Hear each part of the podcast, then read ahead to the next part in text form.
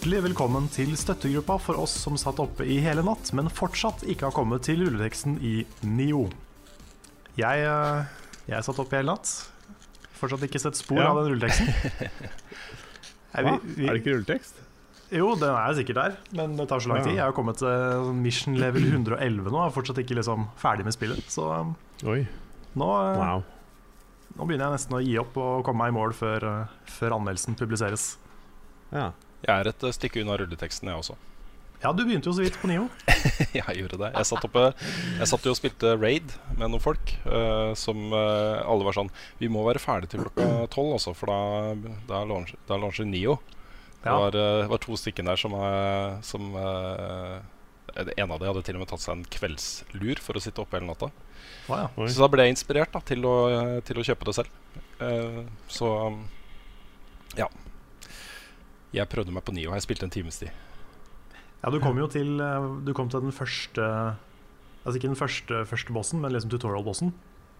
Ja, stemmer. Uh, det er vel sannsynligvis det siste som skjer på Tower of London, eller eh, tar jeg feil da? Nei, det stemmer. Ja, Så der Du møter en boss, og så blir han til en mye større boss. Uh, og på den mye større bossen så prøvde jeg én gang, og så tenkte jeg OK, nå skal, må jeg gå helt tilbake til den shrinen uh, hver gang jeg dør. Og så liksom komme opp og bort dit, og så ta den første, og så ta den andre. Og få det til. Det kom til å ta så lang tid at jeg, at jeg ga meg der. da Så jeg var ikke sånn at jeg sto og stanga i timevis på, på den bossen. Men jeg prøvde én gang. Jeg døde med én gang. Ja, ok. Ja, Nei, men uh, det som er litt fint da med sånne spill, uh, som også gjelder Nio, det er at uh, som regel så kan du rushe opp til bossen igjen. Hvis du bare løper. Ja da, jeg, jeg vet det. Det er noen fiender eh, du må gjennom. Men jeg skjønte at du kan bare løpe forbi dem. Mm. Så du kan egentlig komme deg tilbake til bossen på sånn ett minutt. Hvis du vet Ja, hvor du det skal er ett løpe. ett minutt, da. Det er ett minutt.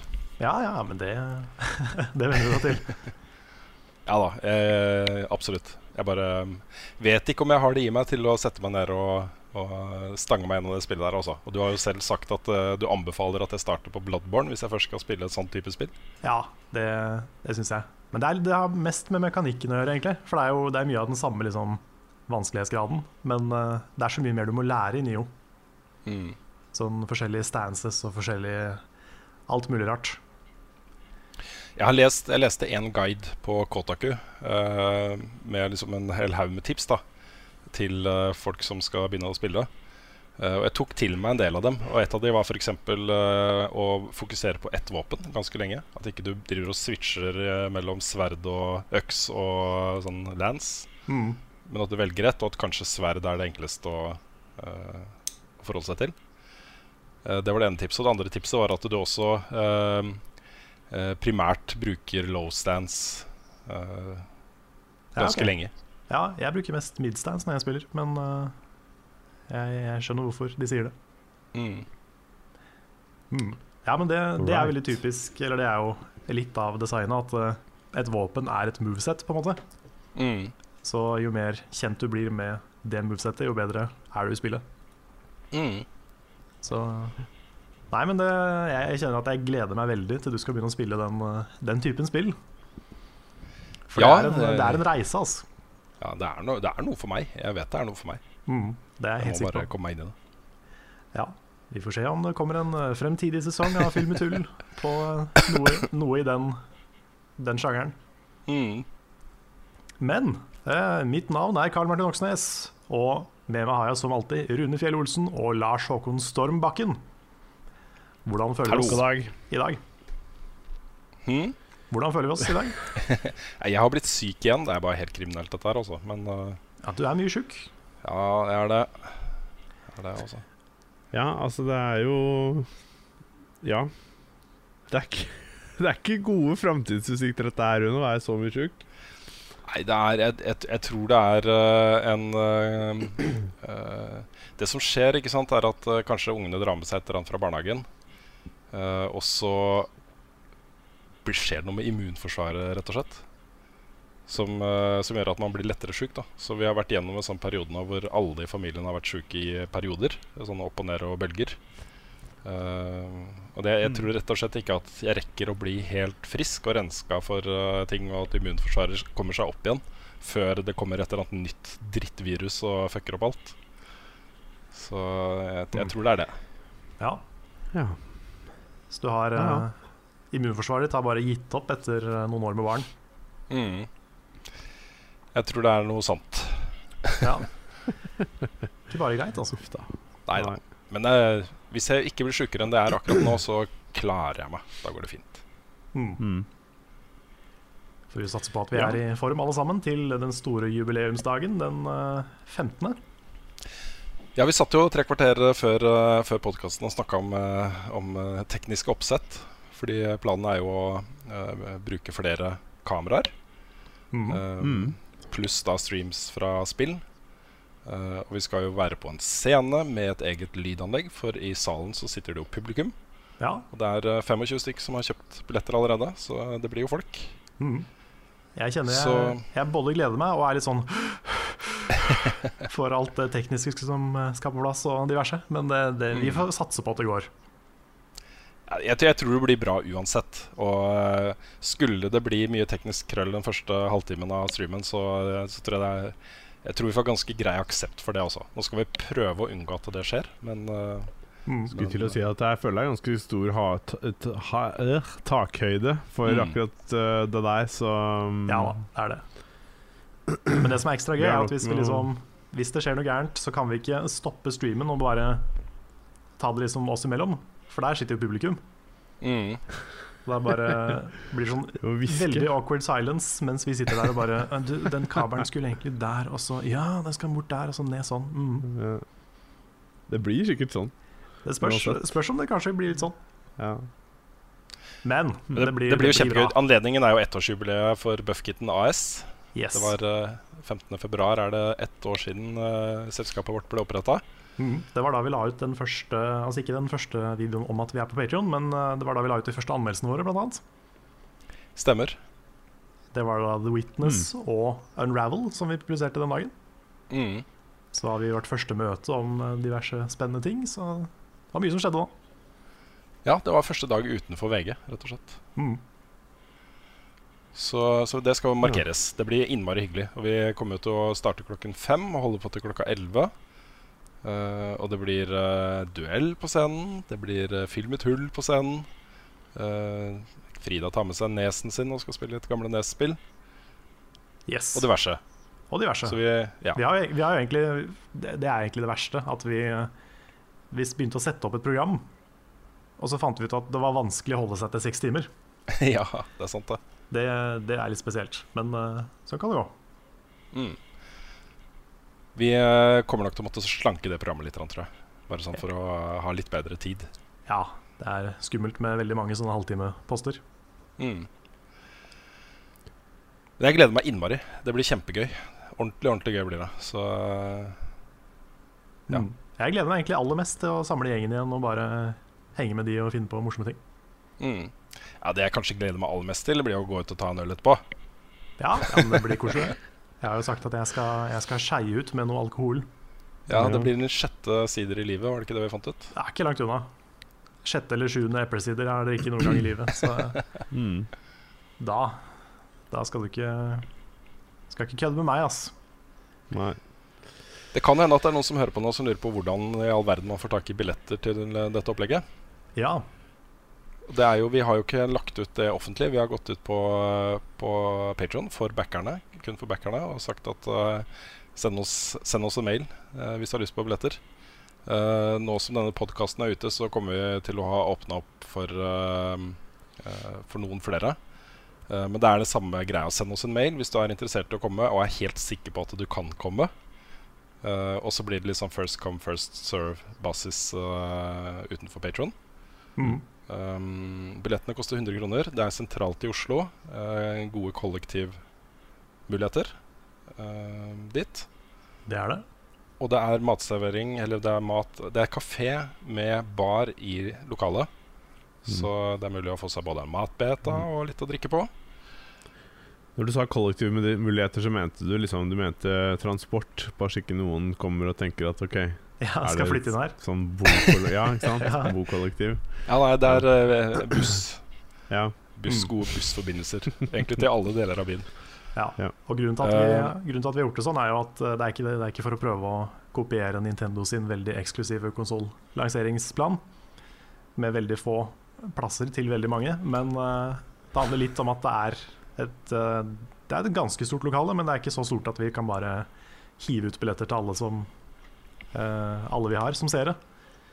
Så vi må prøve Nei. å begrense det litt, så vi har noe kontroll Jeg tror på ikke alle hadde kommet uansett, men uh... Nei, det, det hadde vi nok ikke, men uh, siden det er såpass plass få plasser.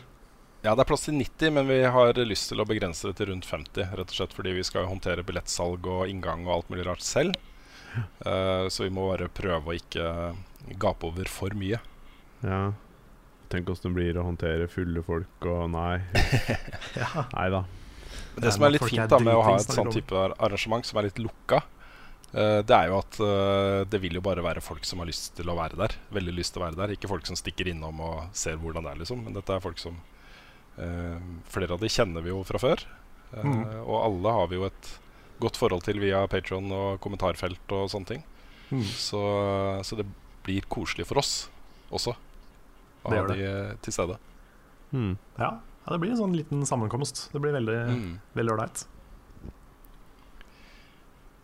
Yes. Det får vi tro. Ja, men det var, det var en lang introduksjon på podcasten denne uka. Vi kan jo hoppe over til første spalte, nemlig hva vi har spilt i det siste. Vi var jo litt innom Nio i stad. Mm. Vi kan jo kanskje fortsette litt med det, men eller eh, har vi snakka nok, nok om det? Ja, nei, jeg kan, si, jeg kan jo si at jeg, eh, jeg jobber, eh, jobber hardt med anmeldelsen nå. Skulle ønske jeg kunne hatt den ferdig litt før, men jeg har lyst til å liksom Når det er et spill som Nio, som uh, folk som har hørt på den podkasten lenge, vet hvor glad jeg er i Bloodborne, og dette her er liksom nesten helt der oppe Det er så utrolig bra. Da vil jeg liksom ta meg den tida til å Hvis ikke jeg klarer å komme helt til rulleteksten, så i hvert fall nesten. Og bare la det synke litt, og lage et innslag som jeg mener er bra nok da, for å få formidla det jeg føler om det. Pluss at jeg gjerne vil ha med Svendsen. Og de, han fikk jo ikke spillet før i går, så det blir ikke Vi følger ikke helt den originale planen om å lage en coop-anmeldelse. Det blir jeg som anmelder, og så kommer Svendsen inn med litt uh, info og meninger om multiplayeren. Så da gjorde vi det sånn, for å spare litt tid. Kult. Så det, det kommer. Jeg vet ikke helt 100% når det kommer, men det, det begynner, å, begynner å nærme seg. Høres eh, veldig bra ut. Men eh, hvis, det, hvis du er i tvil om du vil kjøpe det, så eh, hvis ikke du hater veldig vanskelige spill, så eh, kjøp det. Det er helt briljant. Det, det beste som har kommet i år for meg hittil. Mm. Ja, vi står foran litt av en vår også. Nå kommer jo Switch den 3. 3. Ja. mars. Eh, Horizon kommer. Horizon kommer 1. mars. Eh, så kommer jo Ghost Recon Wildlands, eh, Prey, Stemmer. eh, Little Nightmares, Ja, Mye, Prey er altså. nå. Mass Effect. Ja.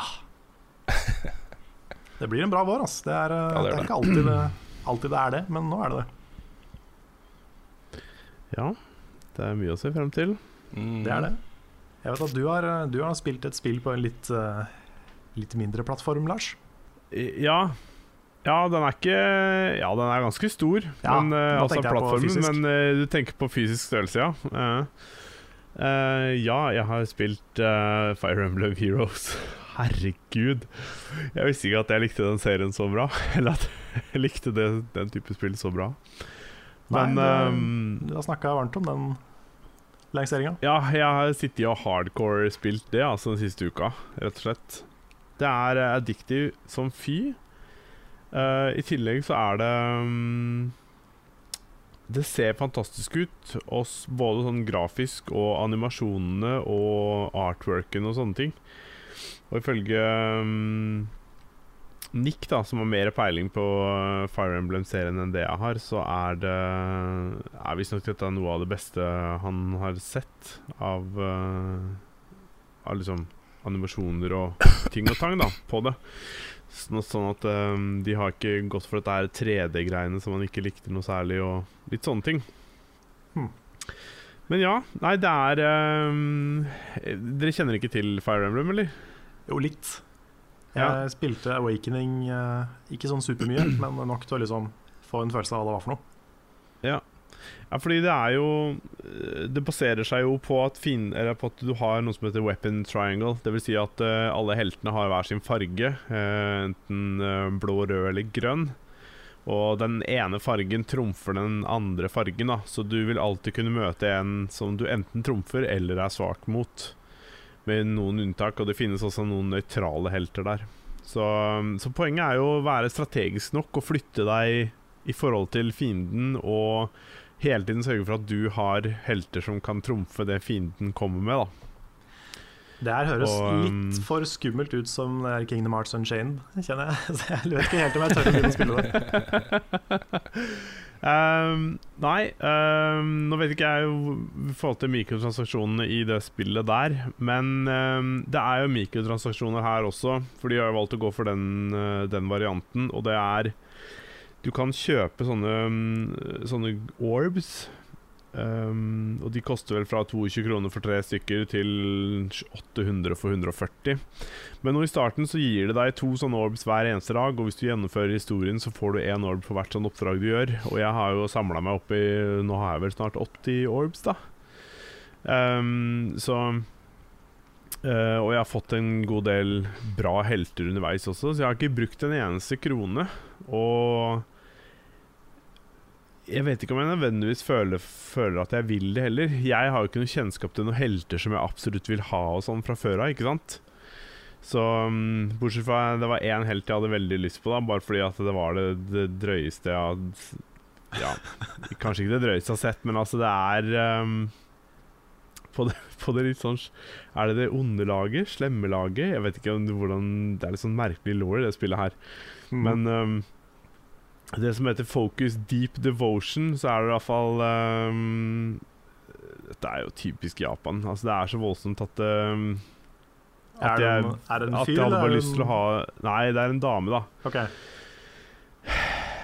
Altså Når du får henne i gull, så starter liksom den der animasjonen Dette her er Sorry, dette her er veldig sånn ikke politisk korrekt på noen som helst måte, men um, det starter liksom at du fokuserer på puppene hennes og zoomer ut derfra på animasjonen hun gjør når du får henne. Og det er liksom Det er bare pupper på den dama. Um, men hun er, hun er dødskul i tillegg, da. Mm. Så, men det er litt sånn derre Det er noen av de sånne der, litt sånn badass, uh, slemme, mørk rustning-damer med veldig store pupper ja, i, i spillet spillene der. Ja. Hyrule Warriors til og med hadde masse av det. Ja, riktig. Um, så ja, jeg veit ikke, altså. Men um, jeg har fått en del kule helter. Jeg har ikke fått henne, da. Men jeg har fått en del kule helter og er veldig fornøyd med, med de. Jeg har en dame som heter Tarja, og hun er helt vill. Hun er sånn mage som bare tar uh, Som kan stå og skyte fra avstand, ikke sant? Og hun smelter fiendene, for å si det mildt. Hmm. Så ja. Nei, uh, foreløpig så syns jeg det er veldig, veldig, veldig bra. Og det at det faktisk er mulig å komme seg utenom Eller spille såpass mye og slippe eh, å betale for det, syns jeg er, uh, er, bra, da. Men jeg ser jo at på et eller annet tidspunkt så må jeg sikkert gjøre det, fordi um, du har jo For å kunne fighte så har du stamina. Og den bruker du ganske fort opp, for det koster gjerne fra 1 til 5-6 stamina å kjøre en kamp, og du har 50, da. Og så får du en ny stamina hvert femte minutt. Så det hender at jeg går tom, og da, da pleier jeg bare å legge det fra meg litt, og så um, Og så kommer jeg tilbake, og da har jeg fått ny stamina, da. Så ja. Hmm. Ja, jeg er spent på om du møter den veggen eller ikke, altså. Fordi eh, det, jeg kjenner ja. at det, hvis ikke du gjør det, så får jeg mm. ganske mye mer lyst til å sjekke det ut sjøl. Ja. Det har jo vært, eh, det har vært ett problem så langt. Det er noe som heter eh, Hero Feathers. Det er noe du trenger for å kunne oppgradere um, heltene dine. Fordi heltene dine har jo fra én til fem stjerner. Og fem stjerner er jo gull, og da det beste. Så de, de vil kunne oppnå den beste statsen du kan få, da. Um, men for å få en helt fra fire stjerner til fem stjerner, så må du ha noe som heter Hero Feathers. Og per nå, så har i løpet av den uka som har gått, så har det vært mulig å sanke de via um, å trykke på noen helter i hjem uh, inni slottet ditt. Den hjem-skjermen, da. Um, og så er det vel et par andre ting. Men jeg hadde liksom samla 56 sånne i løpet av en uke. Og du trenger 20 000 for å oppgradere til fra liksom Fra um, fire til fem stjerner. Ja, ok, Så du har 54 av 20 000? Ja, 56. Ja, Ja, 56, ja. Eh, ja, men det som er greia nå, er at de har jo sett at ok, dette må vi gjøre noe med. Vi skal gi dere bedre måter å farme dette på. Så nå har det kommet noen quests som du kan gjøre, som gjør at du kan farme disse fedderne litt kjappere. Uh, og jeg syns det er bra at det er litt progresjon, for hvis det er altfor enkelt å oppgradere en helt fra fire stjerner til fem stjerner, så så tar det jo vekk noe av gleden. Skjønner du hva jeg mener? Det skal jo ikke være dritenkelt å få det til. Men, eh, men, men 56 på en uke, det er ganske det, det er heftig, liksom. Da snakker vi flere år før du, før du får det du trenger. Så, og det ga oss en gave. Så i dag så har jeg fått 10 000 hero feathers. Så du, um, ved å samle litt grann til nå, så med de questene og sånn, så har jeg muligheten til å oppgradere en av heltene mine til gull, da. Skjønner. Det høres veldig Ja. ut som Kingdom Hearts Unchained der, altså. men eh, forhåpentligvis Ja. med en litt snillere modell. Ja, det følger, det følger helt sikkert en god del andre modeller på progresjon og i det hele tatt. Det tviler jeg ikke et sekund på, men per nå så har jeg ikke brukt en eneste krone. Og jeg har fått mange sånne orbs som gjør at jeg kan summone helter og, og sånne ting. Hmm. Så eh, så langt så digger jeg det og kan ikke annet enn anbefale det. Det er eh, verdt å sjekke ut. Ja, kult. Mm. Jeg får lyst til å prøve det. Jeg bare ja, Jeg venter litt til jeg ser om du, om du møter en eh, paywall Ja. eller ikke. Hvis jeg møter den paywallen, så kommer jeg til å legge det fra meg. Så enkelt er det. Ja, Um, fordi eh, jeg kommer ikke til å bruke så mye penger som dette krever for å få det gjennomført. Det er um, Men det er uansett litt kult å høre om det, for uh, hvis den kommer, så er det interessant å prate om også. Ja. Sånn mm. i podkast og diverse. Det jeg syns er kult, er i hvert fall at de har eh, De selger bare én type ting, da som er disse orbsene. Så de, de selger ikke liksom hero feathers, orbs, eh, sånne andre ting du kan få inn her. De, de selger liksom én, én valuta, og så kan den brukes til alt. Ja, ok. Det er noen spill som selger liksom en ting for hvert For alt mulig rart, som gjør at det blir litt sånn Ja, nå må du bruke litt penger her og litt der og litt der, og så plutselig er det blitt flere tusen. Mm. Mm. Betaler 1000 kroner for hesterustning. Ja, Yes. så mm. Nei, det er, eh, det er det jeg har spilt for det meste, og det er eh, Ja, jeg er ganske imponert. Jeg syns Nintendo har laget eh, en bra greie her, altså. Det funker dødsbra til mobil. Ja, jeg liker at de lager mobilspill som liksom ikke er crap. Som de faktisk har lagt litt, eh, litt arbeid og design i. Mm. Det er kult. Mm. Ja, Har du spilt noe mer, Rune? Ja, også uka som har gått, så har jo vært eh, Det har skjedd to uh, store ting. Uh, det ene er jo at vi var i Sverige og spilte Switch. Det var vi. Stemmer det? Var Det, den ja, det var på fredag etter at vi spilte inn podkasten. Riktig. da fikk vi jo testa Arms og Zelda og One to Switch og Mario Kart 8 Deluxe og diverse. Splatoon 2 òg. Ja, ja, det viktigste var jo at vi fikk testa konsollen, mm. hvordan den funka og sånt. Og jeg er eh, ganske overbevist, altså. Jeg syns den er kjempebra. Ja, jeg òg. Jeg kjenner at uh, jeg skal definitivt bruke den, eh, den pro-kontrollen mest. Ditto. Og jeg ble litt, jeg ble litt sånn positivt overraska over at den også hadde gyro. da Mm. For det hadde jo ikke pro-kontrollen til Wii U. Nei, det er sant. Men den har liksom all funksjonaliteten også inn i pro-kontrollen. da Så det er kjempe, kjempedigg. Kunne du bruke den til alt? Eller må du bruke joycon i noen tilfeller? Du må vel bruke to Switch så må du, må du bruke joycon. Ja, Ok ja vet, Den derre rumble-featuren vet jeg ikke om er i uh, pro. Uh, det vil jeg tro den er, men jeg er ikke helt sikker. Nei. Nei, det er jeg ikke sikker Jeg vil tippe at de har lagt den inn, altså. Kanskje. Men uh, Nei, det er jo en del sånne minispill som du bruker den lille kontrollen. Den halve joyconen, liksom. Mm. Eh, der må du nok bruke den. Men ellers, i sånne vanlige quote unquote vanlige spill, så kan du vel bruke hva du vil, tenker jeg. Ja, altså alle de spillene som eh, jeg er mest interessert i, eh, kan du i hvert fall bruke den. Mm. Uh, bortsett fra da at jeg, jeg ble veldig positivt overraska over Arms. Det var kjempegøy, altså, med Ja. de to joycon-tingene. Det var veldig gøy. Mm. Og så var det Det ekstra gøy at det, så, at det ble så jevnt. Ja, ikke sant?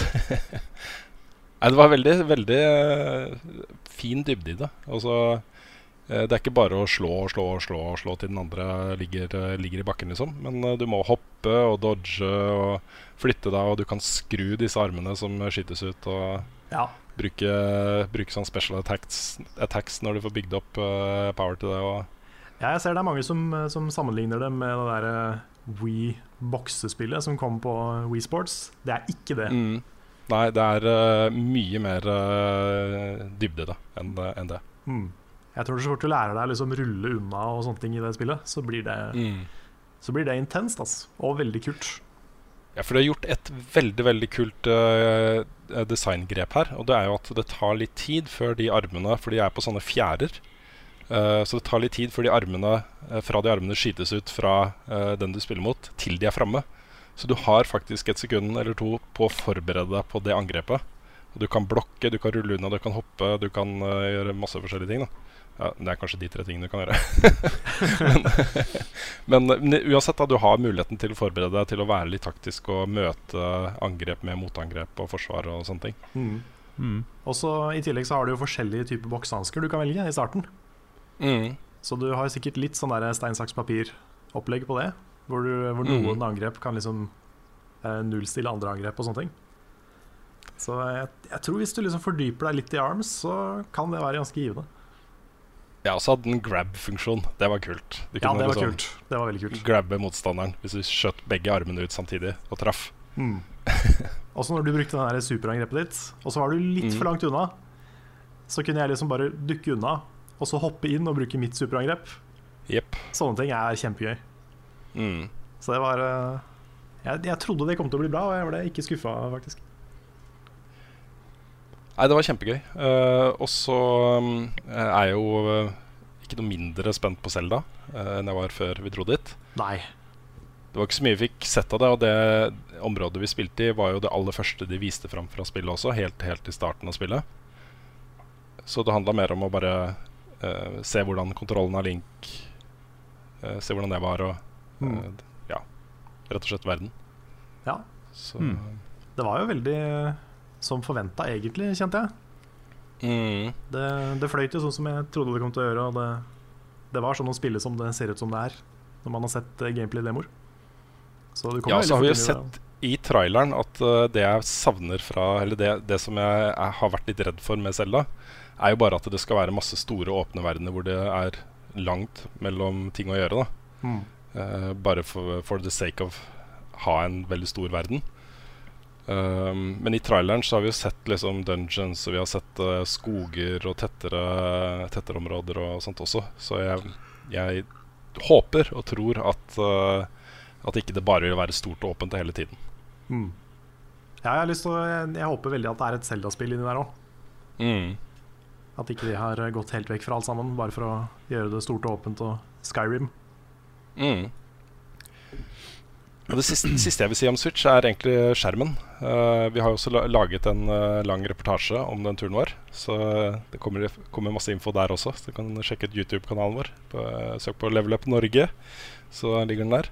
Men skjermen, den lille, altså den du kan spille mobilt med, jeg syns den var dritbra. Det var kjempebra. Jeg spilte jo Mario Kart 8 både med den lille skjermen og på en større TV. Og eh, helt nydelig, altså. Det er, eh, du trenger ikke større skjerm enn det, og det ser dritlekkert ut. Det gjør det. Har en veldig, veldig bra skjerm. Mm. Den andre store tingen som har skjedd i uka som har gått, er jo at eh, jeg har fått ny PC. Eller kjøpt ny PC, da, er mer riktig å si. Yeah. Men Ja, ja, ja. eh, åh, det er så deilig. Det er så deilig. Den har ikke låst seg eller krasja eller noen ting en eneste gang. Og det går mye kjappere å rendre ut video, og alt er liksom Åh, det er så behagelig. Det er så deilig. Det er sånn det skal være. Ja, og det første spillet jeg installerte på det, var Owlboy. Jeg har ikke fått testa det ennå, men eh, det blir det første spillet jeg spiller på den PC-en. Så jeg har gleda meg sånn. Veldig, veldig gøy. Kult, kult. Jeg også har eh, Jeg fikk jo, fikk jo kjøpt ny PC samtidig som deg. Um, den står fortsatt i gangen. Jeg har fortsatt ikke fått uh, kobla den opp. Og det er fordi jeg har en del prosjekter som jeg må gjøre ferdig før jeg tør å bytte PC. Fordi det alltid skjer et eller annet kluss når man skal overføre et prosjekt fra en PC til en annen. Mm. Så, så fort jeg er ferdig med Nio Jeg tror det er det siste jeg må klippe før, eh, før jeg kan offisielt bytte PC. Så jeg gleder meg Mm. veldig. Enda en motivasjon til å bli ferdig med den anmeldelsen.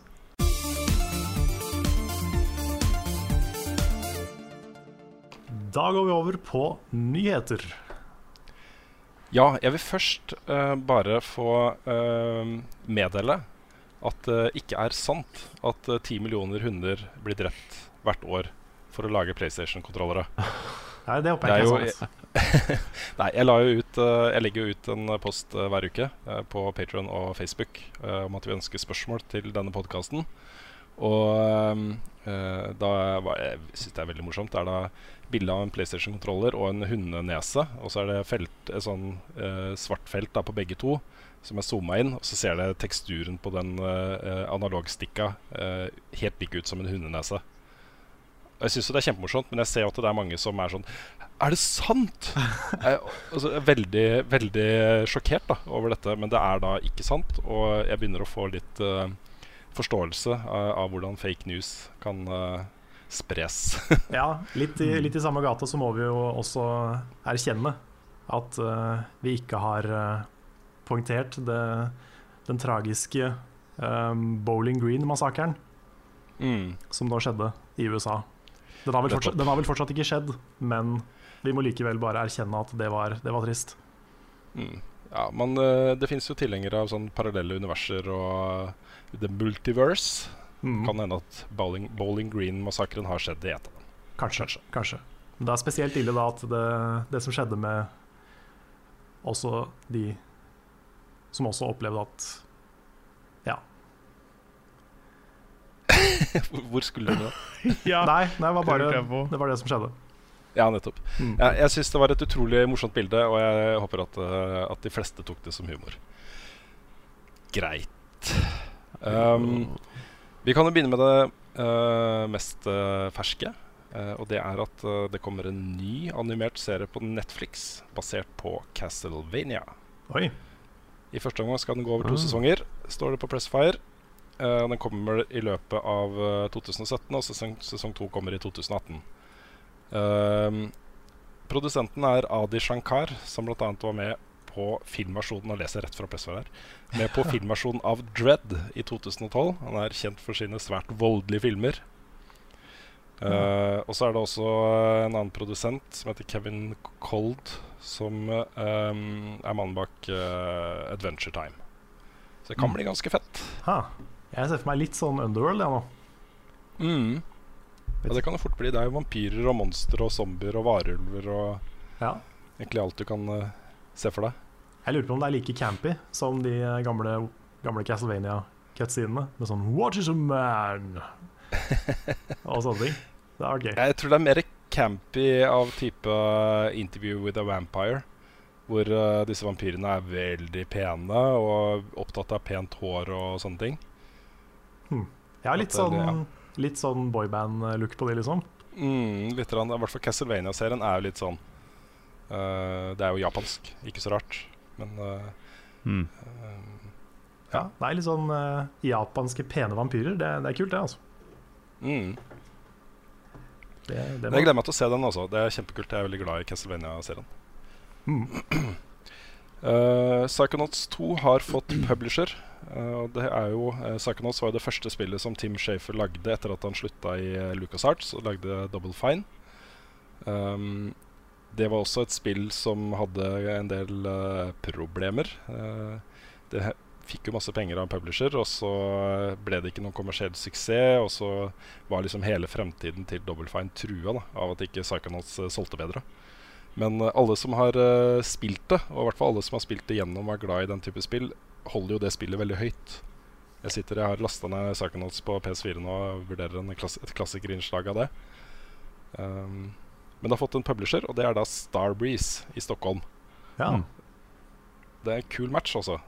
Det er jo de som lagde uh, Brothers, blant annet. Ja, har også stemmer lagde Chronicles of Riddick, Escape from Butcher Bay. Uh, de har uh, tatt over ansvaret for Payday, så de jobber med det nå. Kult. Uh, ja, det ser veldig spennende ut også. De henter inn jeg tror det var 8 millioner dollar til utviklingsmidler fra Starbreeze.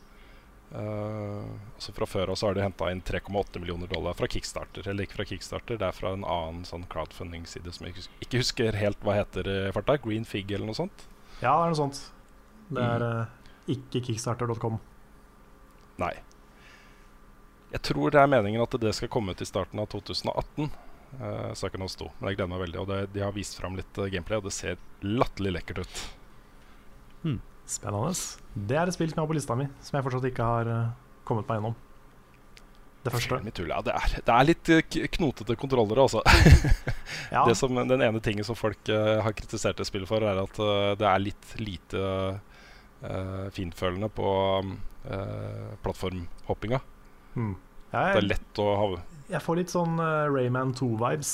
Selv om jeg liker Mm. Rayman 2 veldig godt, så er det jo det bærer jo litt preg at det er litt sånn tidlig 3D-gameplay. Mm. Men humoren og storyen og rollefigurene er helt fantastisk i det spillet. Så ja, masse kule sekvenser som uh, bare bobler over av oppfinnsomhet og skaperglede. Ja, Mm. Jeg har hatt det på Steam i mange år, så har bare ikke kommet så langt. Der fikk jeg et uh, lite tips, Det altså. gjorde du muligens. Ja. Etere åpner opp for billettsalg til vanlige folk.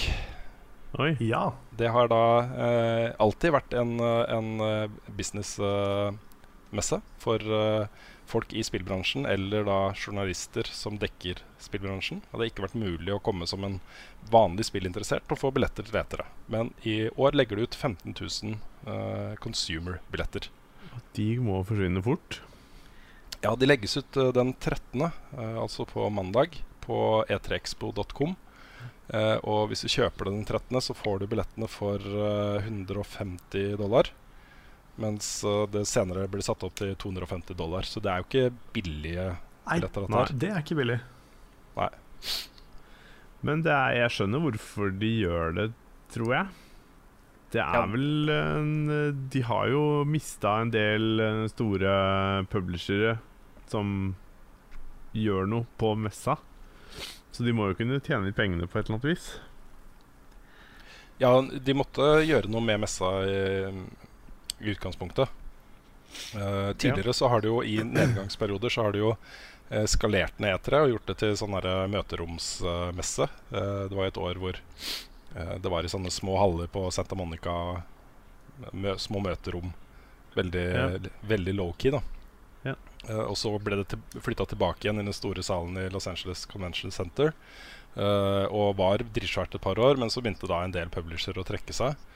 Um, og det er jo endringer i, i spillmediet som, og businessen som gjør at den ikke er like hot som den har vært, da, denne messa. Så um, jeg tror de enten måtte skalere ned, eller gjøre det mer om til en forbrukermesse. Så um, veldig spent på hvordan det går, Også. Ja. Jeg var jo på Gamescom for noen år siden, eh, som også er åpen for eh, publiken. Og det var kaos, så jeg håper ikke det blir sånn. Der var det sånn du, du hadde ufrivillig kroppskontakt med fem personer samtidig. Så Ja, til enhver tid. Ja, til enhver tid. Og du, liksom, hvis du prøver å komme deg ned en trapp, så er det sånn kanskje en halvtime, så er du der. Mm. Så det var, det var veldig mye folk, så jeg håper ikke det blir helt Mm. der. Men én ting da, som er litt viktig for de som, uh, hvis det er noen som hører på som vurderer å ta turen, så eh, betyr jo ikke den billetten at du får lov å komme inn på pressekonferansene. Nei. De er ofte veldig sånn journalist- og invite-basert. Og det er jo egentlig det som er det kuleste med E3, syns jeg. Å sitte i salen der når det kommer nye, store Mm. annonseringer og sånne ting. Mm. Ja, men jeg tenker at disse messe den er jo kulest altså, Hvis du bare er en vanlig spillinteressert og ikke har noe eh, profesjonell, profesjonell interesse av spillmediet, så er jo det å kunne faktisk teste disse spillene som er under utvikling, og som du gleder deg til å spille, og sånne ting, det aller viktigste. Viktigere enn pressekonferanse, kanskje. Ja, kanskje. Så sånn sett så er det Ja, så det å se på pressekonferansen er for så vidt greit, men jeg, den er ikke så markant mye bedre å sitte i salen fysisk eh, enn å se det en stream av det. Du får jo den samme presentert de samme nyhetene. Ja, det gjør jo det, men samtidig så tenker jeg liksom på det året som vi satt der og fikk uh, The Last Guardian og Final Fantasy 7. Det var jo, det var jo ganske sånn rart å sitte der med den er der, bra minne. med den der eh, jublinga fra salen og Mm. stemninga der, da. Det de bør gjøre litt da på messa, det er jo å ha uh, egne shows på standene. Hvor f.eks. Uh, Hideo Kojima kommer opp klokken 15.00 på onsdag for å vise fram Death, Death Stranding, f.eks. Mm. Gjøre litt sånt, da. Ja, det er artig. Men det blir nok litt sånn Comic-Con-vibber, hvor du må bare finne ut én eller to ting som du skal prøve, og så bare dedikere deg til det. Mm. Så jo bilder fra bare den der Switch-eventen i Sverige, så du det bildet? Ja da, det ble litt kø på lørdag og søndag der. Ja, det var jo åpent for, eh, åpent for alle fra lørdag og søndag. Og Mm. strakte seg liksom langt ut av bygget bare for å spille Zelda. Yep. Og det er liksom 20 minutter per person, så de hadde nok stått der hele dagen, tenker jeg. Jeg vil tro det. Så det er mye kø, vil jeg tippe. Ja, men Hvis noen da har lyst til å dra til Etere og har tenkt i mange år at åh, vi må dra til Etere et år, eh, og tenker at ok, i år er sjansen, vi må bare dra, så vil jeg bare anbefale å begynne planlegginga nå. Kjøpe billetter på mandag. eh, skaffe rimelige flybilletter. eh, og så se etter et bra sted å bo, fordi Los Angeles er stort og uoversiktlig. Mm. Eh, og det Enten så kan man bo litt utenfor og leie bil. Det er fullt mulig å komme seg inn til sentrum og parkere bilen her. Eh, eller så kan man uh, finne et hotell i nærheten av en metrostopp, for den stopper rett ved messa. Uh, eller så kan man finne da et, et rom i et motell eller et billig hotell i nærheten av sentrum, og så gå, rett og slett. Så eh, ja, Airbnb Det er sikkert masse gode alternativer hvis man er litt tidlig ute til det. da Mm.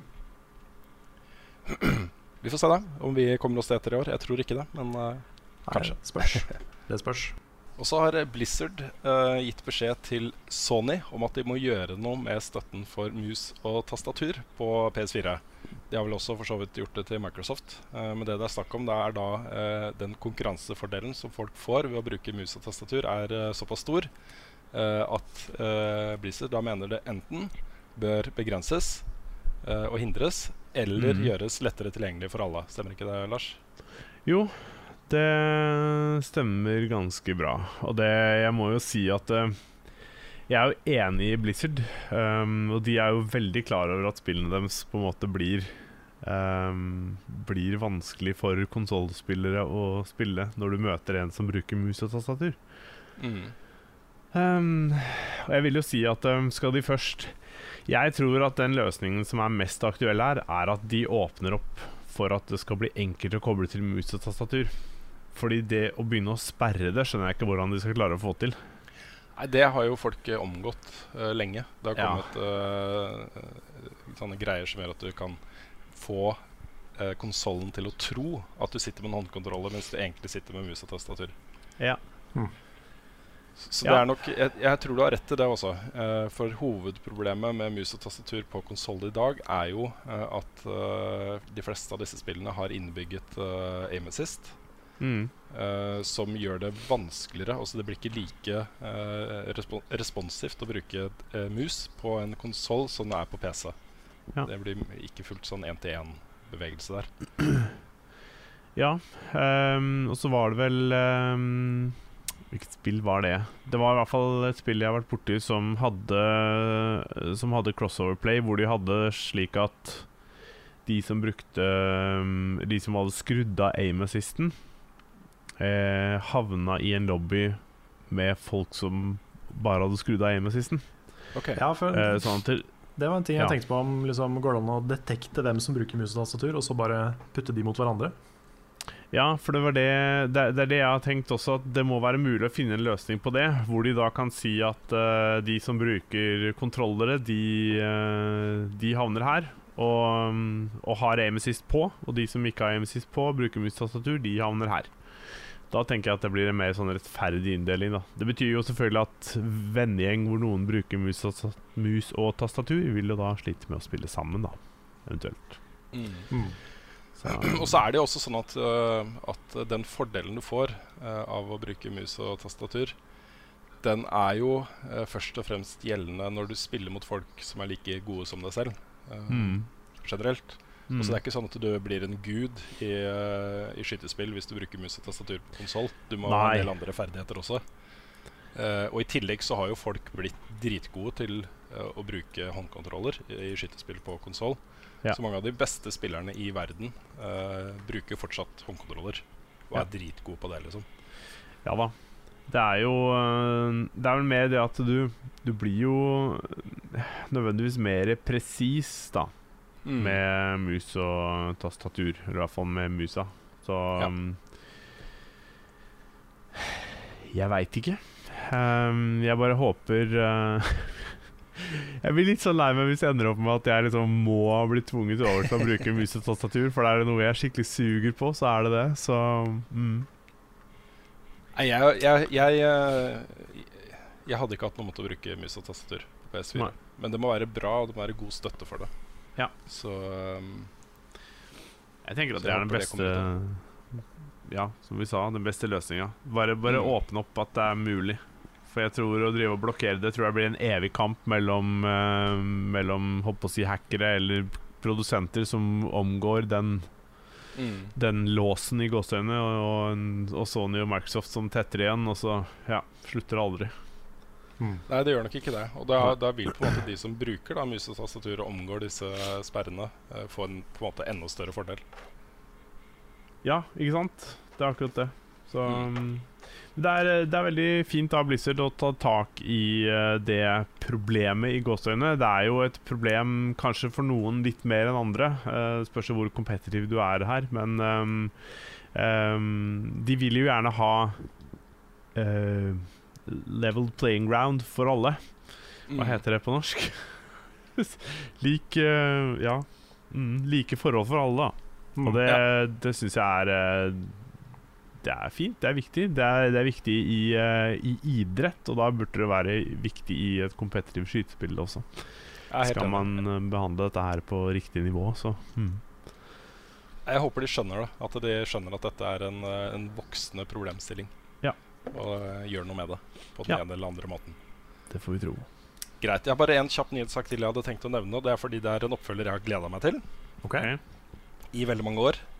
Um, har dere spilt en adventure-spillserie som heter Siberia? Nei. Siberia. Ja, Det er nå 13 år siden uh, Siberia 2 kom ut, og det var innmari bra. Kjempebra adventure-spill. Um, eh, og nå kommer da Siberia 3, og det har fått en releasedato. Det er 21.4.2017, altså 21.4 i år. På PC, PS4 og Xbox One. Uh, og så kommer det på Switch seinere i 2017. Det er en um, Det ligger litt i gate med det lengste reisen, egentlig. Litt samme type uh, adventure-spill. Um, Ok. Verdt å sjekke ut. Googla bilder av den nå. Jeg har sett uh, den Jeg har sett hun dama der. Mm. Kate Walker, er ikke det den heter? Det er mulig. Um, ja. Det så veldig sånn uh, eventyrfylt ut, i hvert fall. Ja da. Og så er det store historier med liksom Du er på mange forskjellige steder og ja, ganske sånn massiv opplevelse. Selv om Ja. man er Detaljert uh, grafikk og i det hele tatt der, da.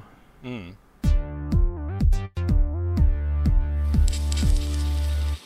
Da er vi over på spørsmål og svar, og vi kan begynne med et spørsmål her fra Lars Grøtnes. Han spør først kommer dere til å legge ut bursdagsfeiringa på YouTube, sånn at vi som ikke får kommet eller sett på streamen, får sett hva vi gikk glipp av.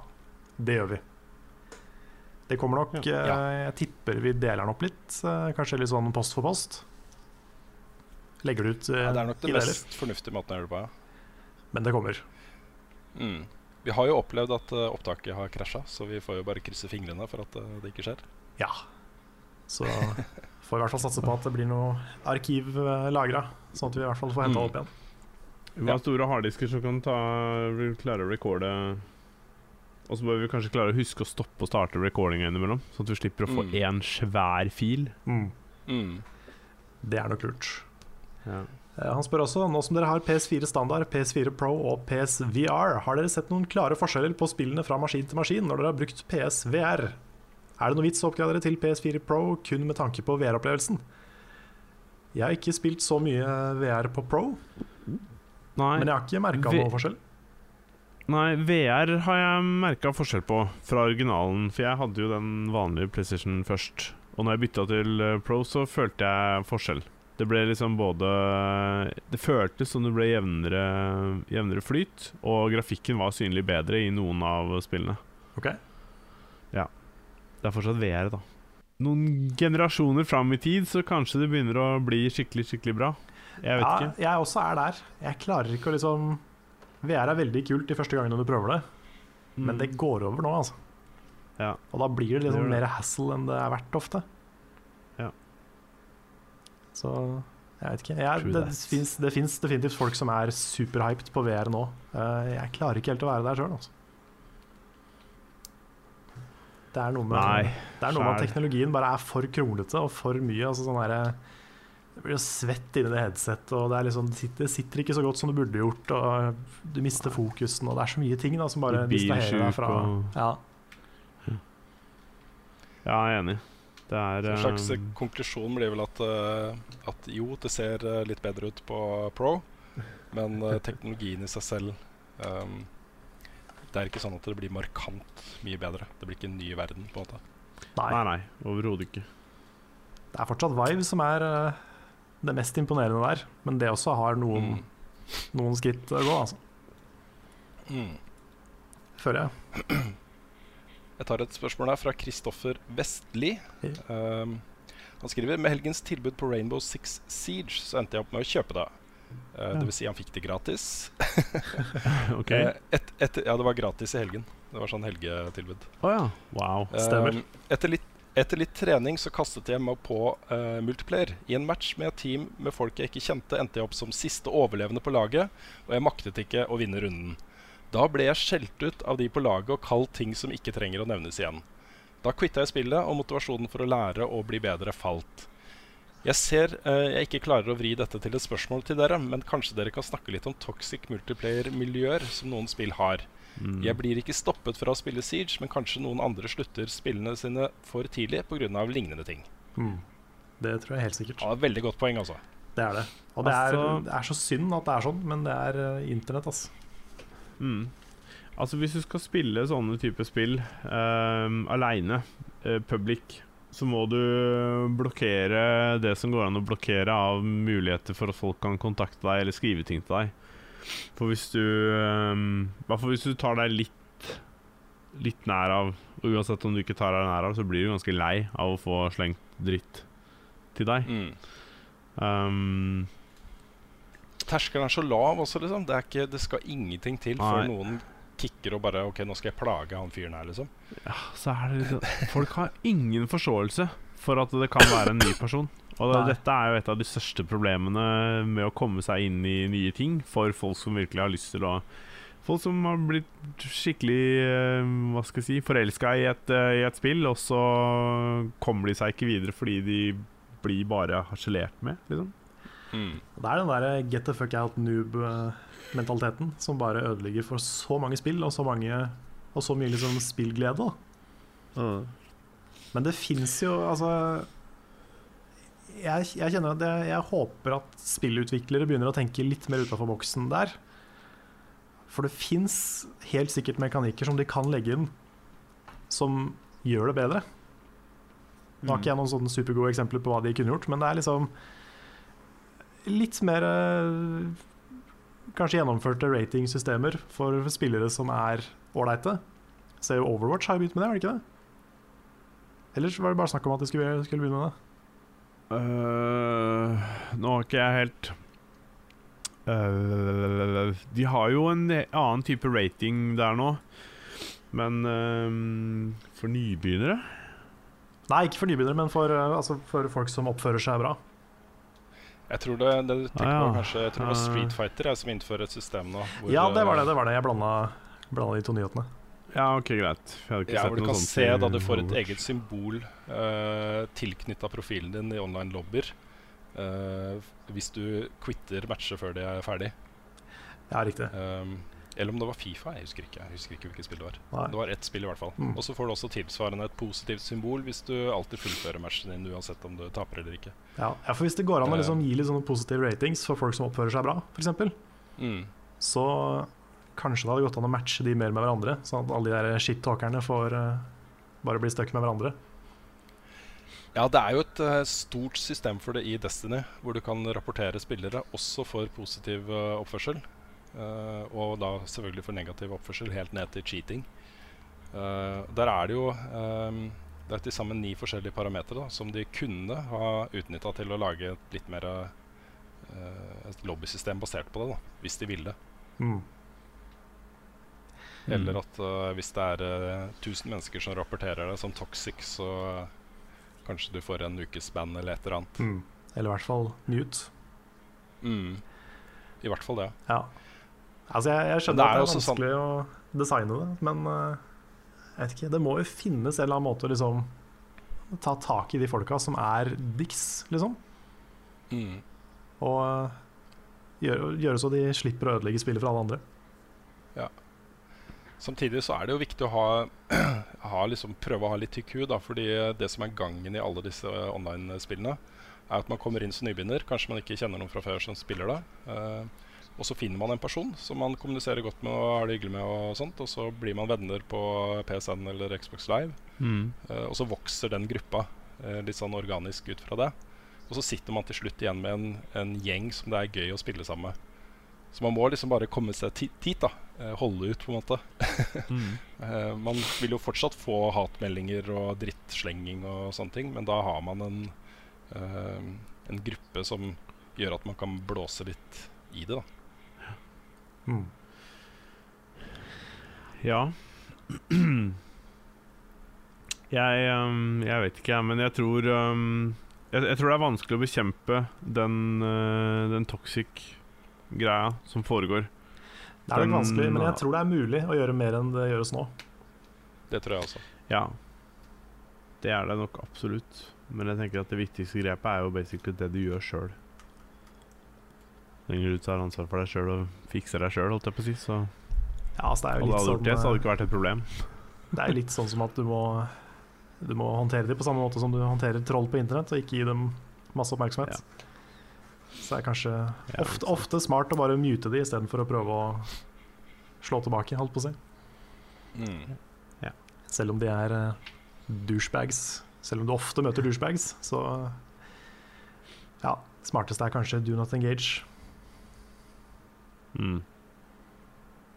Dessverre at det er sånn. Jeg Ja. det er veldig For jeg, jeg kjenner med meg sjøl at jeg hadde spilt mye mer online med voicechat hvis ikke det var sånn. Mm. Ja, jeg har aldri spilt noe særlig eh, med voicechat, og jeg har alltid spilt i grupper. Så for meg så har det aldri vært noe problem å spille online. Om vi møter noen som er douches, liksom, så er det ikke noe som går innover oss, på en måte. Det er um, Ja. Så mm, det kan være Som Rune sa, prøv å finne en gruppe, liksom, som Mm. du kan spille med. Som du kan føle deg hjemme i. Så blir fort uh, hva andre sier, veldig li lite verdt, altså. Mm. Mm. Ja, Kan jeg anbefale Level Up Community på Facebook? for eksempel. Hvor, Det er en bra gjeng. Yes, Der er det masse folk, og stadig vekk poste med folk som har lyst til å spille et eller annet og lurer på om noen vil være med. Do it. Definitivt. Mm. Har vi et annet spørsmål? Eh, Jeg hadde ikke noen foran Skal meg vi akkurat nå. se her. eh, Bare Jeg kan eh, ta et til fra Patreon, fra Christian Langeland. Uh, han skriver nå har dere vært indie i ett år. Fra utsiden ser det ut som ting går Unnskyld. Veldig bra. Dere leverer alt dere har lovet. Um, det vet jeg ikke om vi gjør, men uh, allikevel. Uh, dersom dere kunne prøve igjen med kunnskapene dere har nå, hva ville dere gjort annerledes? Hadde dere gått indie? Hva føler dere selv at dere ikke kunne gjort noe bedre, og som dere alle er veldig fornøyd med? Oi, det var et stort spørsmål.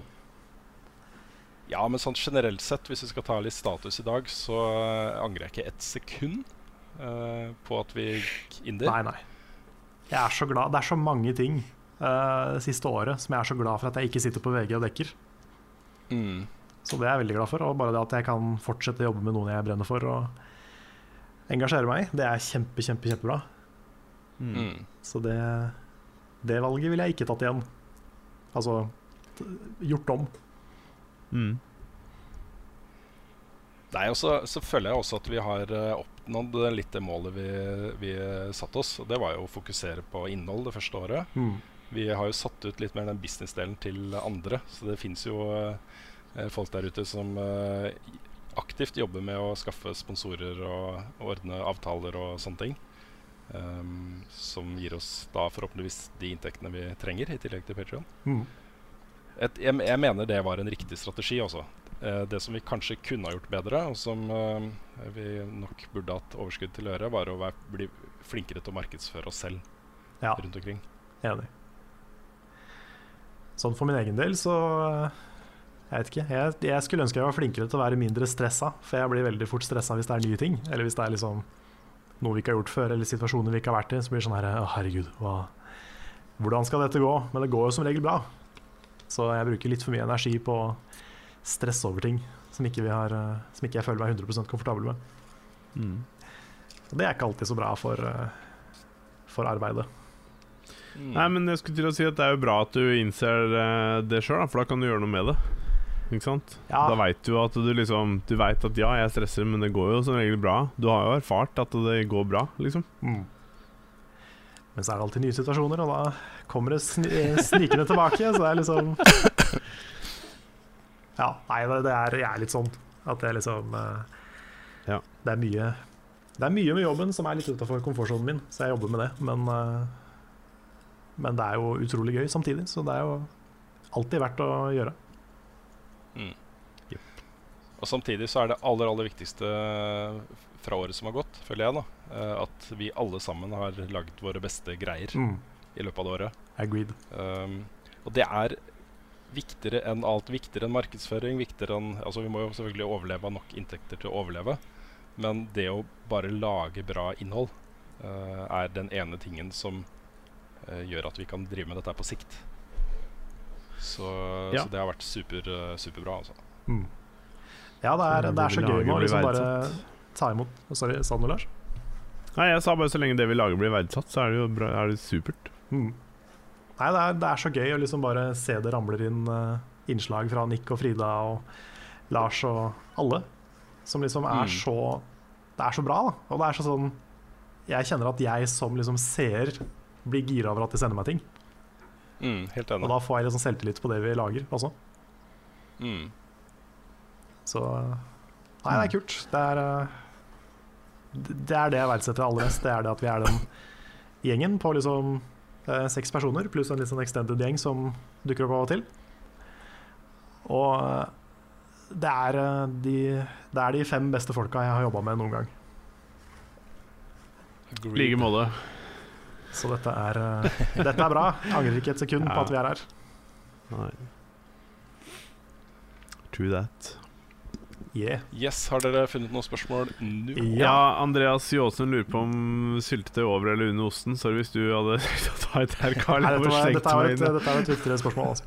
Ja, ok, greit. Ja, syltetøy over eller under osten? Altså, jeg har aldri prøvd det, så jeg vet ikke hva det Nei, jeg bruker ikke ost og syltetøy samtidig. Nei. Nei, jeg bruker uh, Noe av det beste jeg vet på brødskiva, er uh, smør, brunost og syltetøy. Da Ja, skal men- syltetøyen være over. Ok. Aha. På Jeg ville tenkt at den skal være under, da.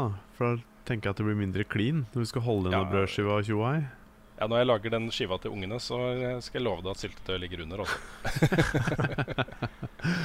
Ja. Men det, er- det fins jo de som bruker som f.eks. jordbærsyltetøy med gulost. Det har jeg ikke noe fan av. Nei. Det liker jeg ikke. Nei, for det var det jeg så for meg sånn med en gang. Med brunost så er det mer logisk. Um, Mm. De hadde Og så tenker jeg altså, Det ser sikkert penere ut med syltetøy oppå. Det er sikkert sånn estetisk penere um, brødskive enn Ja, Det eh, smaker bedre også, vet, skjønner ja. Ellers er det sånn Du klemmer på osten, og så tyter det ut syltetøy uh, under, liksom. Ja. Ja. Smaker det bedre? Det. Ja, det gjør det. er innbilning. Nei? Jo. Vet du hva?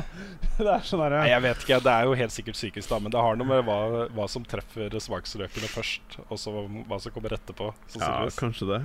Det er det samme som Ja, at brødskiver kan- smaker bedre kan med en liten persilledusk, selv om du ikke spiser den biten som har persilledusk på. Mm. Mm. Men når du spiser brødskive, er det ikke brødet som treffer først? Eh, Med mindre du spiser den opp ned? Tunga er jo Nei, jeg vet ikke. Dette ble dypt.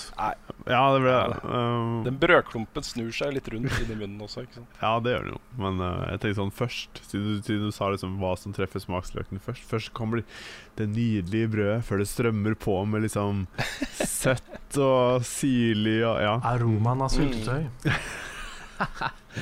Ja, Men Åh, Men brunost og honning, det er godt. Oi, oi, oi, oi. oi. ja det høres godt ut. Du, Nå skal du jo prøve seg på den her brunosten med sjokolade igjen. Nei, det er jeg ikke noe fan av. Nei, jeg har Prøvde Hva? du den originale? Den, Nei, når jeg du gjorde prøvde ikke den første gang? Nei, fordi det, det høres Det høres jo ikke så dumt ut, men jeg synes det det, var visst hørtes- ikke noe suksess. jeg synes det hørtes ekkelt ut, jeg. Ja, jeg også syns det høres ekkelt ut. Men vi har et spørsmål her, fra, nemlig fra Sin4. Og da kjører vi på med ukens Sin4. Hvis dere tar dette spørsmålet, må det snakkes på en dramatisk måte. Jeg hater snø. Det må måkes, skuffes, flyttes, børstes og blåses vekk fra biler, dører, trapper og oppkjørsler. Men hvilket spill med snøinnhold er deres favoritt? Oi. Først så vil jeg si at um, det er greit å hate snø, men det med å måke og skuffe og flytte, det er jo uh, Det er kjempetrening for hele kroppen. Topp! Top notch. Personlig trener Storm-Lars speaking. Jeg måtte bare si det. Ehm, vet du hva? Jeg husker Uncharted 2 eksepsjonelt godt med det snøinnholdet. Måten liksom når de gikk i snøen og sånne ting der, og det bare fotskrittene og de, de tingene der, det var helt Når det kom, så var det helt insane. Um, ja. Jeg er med på den. Ja. Hmm. Ja, nå har jo liksom alle mine favorittspill Har jo snødeler i seg. Ja. Så jeg kan jo bare si Undertale, Earthbound, Final Fantasy 9 og Bloodborne. ja. De har liksom snø i seg alle Mm. sammen. Men snøtema i spill har uh, veldig ofte en tendens til å bli veldig bra. Jeg vet ikke hvorfor, men det er veldig kult. Ja, jeg er enig. Jeg har alltid likt snøbaner. Mm. Mm. Ja, det er jo en av de tingene jeg virkelig liker i eh, Rise of the Tomb Raider. Uh, miljøet og snø, snømiljøene. da. Ja, Mm. det er helt i starten, det. Er det ikke det? Blant annet. Jo, uh, kommer litt tilbake til det ut, utover også. Um, det foregår på vinteren, tydeligvis. I hvert fall store deler av det. Uh, og du kan jo også spille det i survival mode, hvor uh, de værforholdene har mye større innvirkning på spillopplevelsen også. Så hvor det handler om Altså, du går mye tregere i dyp snø, du må jakte på dyr og Mm. holde varmen og sånne ting. Mm. Ja. Ja, så burde du kanskje nevne I Am Setsuna, for det er jo bare snø gjennom Mm. basically hele spillet. Så de har satt hele spillet i en litt sånn der eh, nesten apokalyptisk eh, snøverden. Så det er kult. Mm. Kult, kult. Yes. Tar et spørsmål her fra Jon Liebermann på Patreon I Conan Exiles er det full nakenhet når du designer figuren din. Du kan til og med bestemme lengden på penis. Hva synes dere om nakenhet i spill? Ja, jeg digger det. Ja, ja. Ja, det er er helt for. Jeg, altså, jeg kan skjønne at man på en måte skal skjerme det litt for små barn og sånne ting nødvendigvis, men i utgangspunktet Eller at folk har lyst til det, men i utgangspunktet er jeg litt sånn at jeg tenker at om de ser en penis, er ikke, det skader dem ikke nødvendigvis så mye. Det er mer kontekst og sånne ting som gjør det. Og Mm. det er det, det med at du kan justere penisen i det spillet der, synes, ja, det er hilarious. Altså, det alene er grunnen til at jeg har lyst til å spille det. Ja, men det er, altså, det er jo hele den der, Den klassiske dobbeltmoralen, da. Med at uh, det er greit å se hoder eksplodere, men det er ikke greit å se en pupp eller en penis. Nei. Mm. Og det er jo teit at det er sånn. Det er jo helt bakvendt, egentlig. Så nå er ikke det noe nytt og revolusjonerende å si, men det er jo veldig sant, Nei. føler jeg.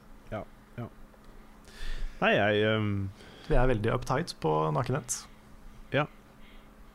Men så er det også sånn eh, som med mange andre ting i spill, så er det litt forskjell på om det gjøres uh, med glimt i øyet, eller om det skal være liksom, seriøst.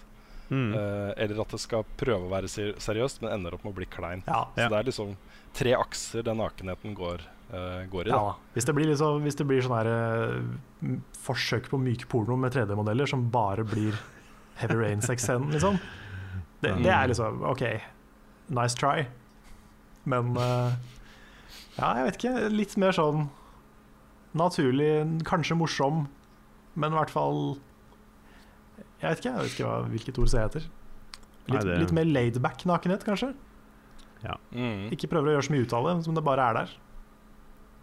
Ja, ikke sant? Ja. Men så får, jeg ser også for meg da, at hvis uh, også i online-spill så dannes det jo uh, relasjoner, og folk blir jo forelska og um, eh, sexter og alt mulig rart med folk de møter i spill. Så det er, jeg syns det er en ganske kul greie, sånn kul voksenting at eh, OK, du møter en eller annen i Nå vet jeg ikke om det er sånn da, i Con Exiles. Møter en eller annen i Con Exiles, og så går dere inn i hytta, og så tar man av seg klærne. Så kan det bli ganske, det kan bli ganske hot, da. Det kan bli ganske hot. Ja. Ja. Kanskje. Jeg har lisensen for det, altså. Det er jo viktig i våre eh, virkelige liv. Hvorfor skal det ikke være viktig i spill? Nei, altså, Jeg er enig. kjør på. Det som sannsynligvis er resultatet, er jo at bare folk går rundt med disse svære slangene sine og dingler, dingler rundt omkring. Og liksom Liksom. slår på busker og trær og sånn. Ja, ja. Ja, jeg har sett noen videoer av hvordan liksom, de reiser seg opp og ned, og hvordan det er dingler rundt. Og det er jo, jeg kan ikke annet enn le, liksom. Jeg syns det, det eh, jeg synes det er vakkert. Det er liksom Det er jo naturlig i utgangspunktet, og så lenge det er sånn uskyldig, så ser jeg ikke noe problem med det. Ikke jeg heller. Um, ja. Yes. Yes.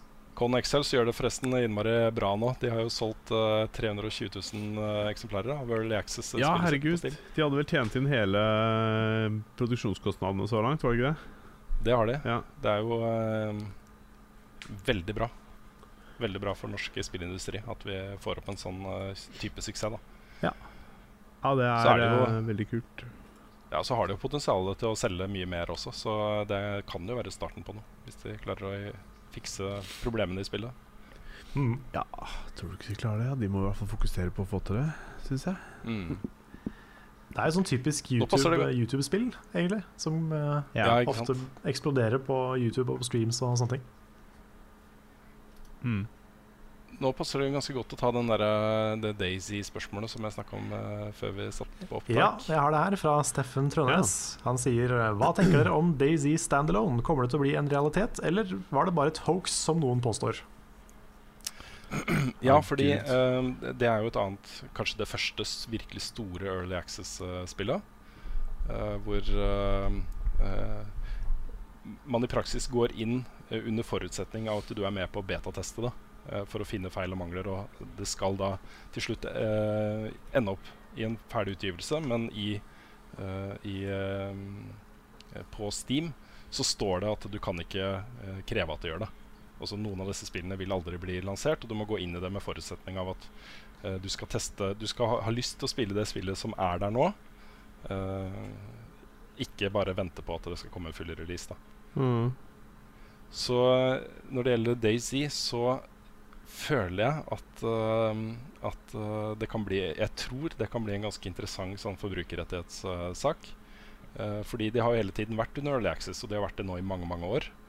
Eh, og en full release ser liksom mindre og mindre sannsynlig ut.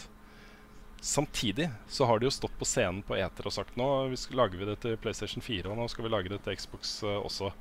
Eh, og folk har liksom, føler jeg, da blitt lovt en ferdig versjon av spillet.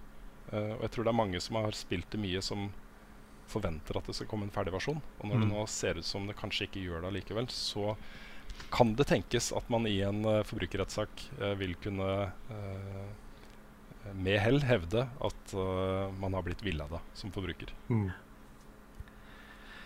Jeg har ikke noe, har ikke ikke. noe problem med Ja, å forstå det det. Nei, jeg har ikke noe mm,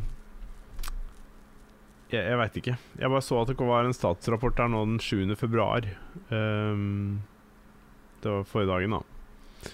Så nå har jeg ikke lest, uh, lest den, men ehm, Men husker jeg feil, eller var det sånn at han lead-designeren på det bare slutta rett etter Early Access-versjonen kom ut? Jo, stemmer det. Mm. Det er jo Ja. er ikke et godt tegn, bare det. At han gir Nei. seg etter å liksom gitt ut og fått penger. Ja. Nei, det um... Jeg vet ikke, ass. Jeg vet ikke hva som foregår bak de lukkede dørene der, men uh, kan jo fortsatt håpe at det kommer. Mm. Jeg tror ikke det, altså. Men det, det er jo også en um, På Steam da, så er det en sånn policy om at hvis du uh, ikke har spilt et spill mer enn to timer, så har du 14 dager på deg til å kreve full refund. Mm. Jeg ser det er noen som, eh, som eh, mener at, eh, at det gjelder fra det øyeblikket spillet er ute i full release. Eh, men jeg har ikke funnet noe som helst informasjon som bekrefter det på Steam. Og, og det betyr vel at det mest sannsynlig er, sånn at det også gjelder for Early Access-spill. Så hvis du har spilt av Con Exiles eller Daisy eller et annet Early Access-spill i 20 timer, mm. så er på en måte toget gått.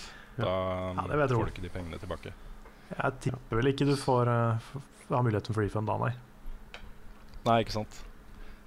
Ja, for det kunne jo blitt en kjempekrise tenkte jeg for Funcom da, hvis, uh, hvis det var tilfellet. At uh, folk kan kreve pengene tilbake etter full release. Plutselig så må de betale tilbake flere millioner kroner til uh, spillerne sine. Yep. Mm. Ja, den er skummel. Mm. Ja, skal vi se. Vi har et spørsmål her fra Martin N. Haugland. Han spør hvilken film og serie ser dere mest fram til i 2017? Personlig er det Spiderman Homecoming og sesong 7 av Game of Thrones, sier han. Det er så mye! Det er for mye. Det er mye. I dag begynner Legion på Fox. Ja, Den, eh, hva er det for noe igjen? jeg Jeg har sett, hype, sett altså. masse overskrifter om, om det. Det er jo en slags sånn X-Men-spin-off. Ja, ja, det er den, ja. Det er den X-Men-serien, ja. Ja. Mm. Som, eh, ja, den er jeg superspent på. Hva med dette herre Metal Rare so Solid? Hva er det du snakker om nå, Lars? Er det den pornoparodien Har ikke du fått med deg det? Dette er jo sånn Triple X-parodi av uh, Metal Gear. Metal Rare Solid The Phantom Peen, var det det? Ja, stemmer. Triple X-parody. Uh, det ble vel reveala i går eller noe? Jeg vet ikke. Mm. Anmeldes av Rune Tuka. Ja, så det er det, det som Lars gleder seg mest til. Jeg er uh, superhyped på, på Legion, på eh, Game of Thrones, på Silicon Valley. Ja. Um, Punisher kommer som egen serie. Mm. Uh, Avengers uh, kommer som egen serie. Uh, Jeg gleder meg til mer eh, Orange is the New Black. Hvis det kommer Jessica Jones, gjør det det? Ja, Skal det ikke komme i år? Jeg Du det. vet ikke? Nei, det vet ikke jeg heller. Eller kanskje det ikke gjør det, siden det kommer den Avengers uh, Initiative-serien. Ja, den Ja. Defenders-serien. Eller er det det? Ja, er det ikke, ja, det er det ikke Ja, det var Defenders jeg tenkte på, kanskje. Jeg lurer på om det er det det heter. Nå har jeg litt, ja, jeg har litt er brain fart på det, men jeg mener det var det. Ja, jeg tror du har rett. Men um, Leftovers kommer i år. Mm. Sesong tre av det. Det gleder jeg meg veldig til. I tillegg til eh, Game of Thrones og mange av de du nettopp ramsa opp. Mm. House of Cards. Yeah. Fargo. Mr. Robot oh. er vel tilbake i år, er det ikke det? Fargo. Hva da? Mr. Robot. Ja, dæsken døtte. Ja, Det blir det bra. er mye bra, altså. Fy altså. fader. Men kommer, eh, kommer Fargo? Er det bekrefta? Jeg tror det. Skal vi se. Det um, For det gleder jeg meg til. Der uh, syns jeg kanskje sesong to var uh, bedre enn sesong én. Og um, Veldig spent på en uh, sesong tre, altså. Hmm. Ja, det er um, Skal vi se Jeg mener at det skal komme nå i våres. Ja, vi får bare Filmer så har jeg ikke helt oversikt over hva det er som kommer i år. Ja, april står der. Nei. Åh, kult. Mm. Jeg gleder meg jo veldig til uh, Jeg tror det er i år, den uh, tredje Avengers-filmen. Eller er det 2018? Kanskje det er 2018. Vet ikke. Men uh, I don't know. Marvel-filmer er alltid stas. Mm. Ja. Ellers så Nei. Jeg, Jeg må vel eh, må vel si at det er mer serier jeg gleder meg til enn filmer som jeg veit kommer, i hvert fall. Men eh, Same. Ja, det nærmeste som jeg gleder meg til, er John Wick eh, 2. Ja. Har dere sett eh, John Wick? Ikke sett den Ah, Det er så bra. John Wick, dette hørtes litt sånn uh, kjent ut. Nå tenkte jeg først på den der filmen med han um, Hva heter han? Han um, oh, Hva heter han? Keanu Reeves? Ja, det er den. Er det den?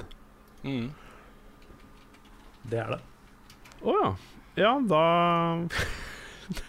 OK, greit. Eh, Jeg hadde ikke helt det klart for meg, tydeligvis. Men ja, men da mm, 10. februar. Det er nå, det. Det er oh, pinadø nice. nå. Den kommer jo I morgen.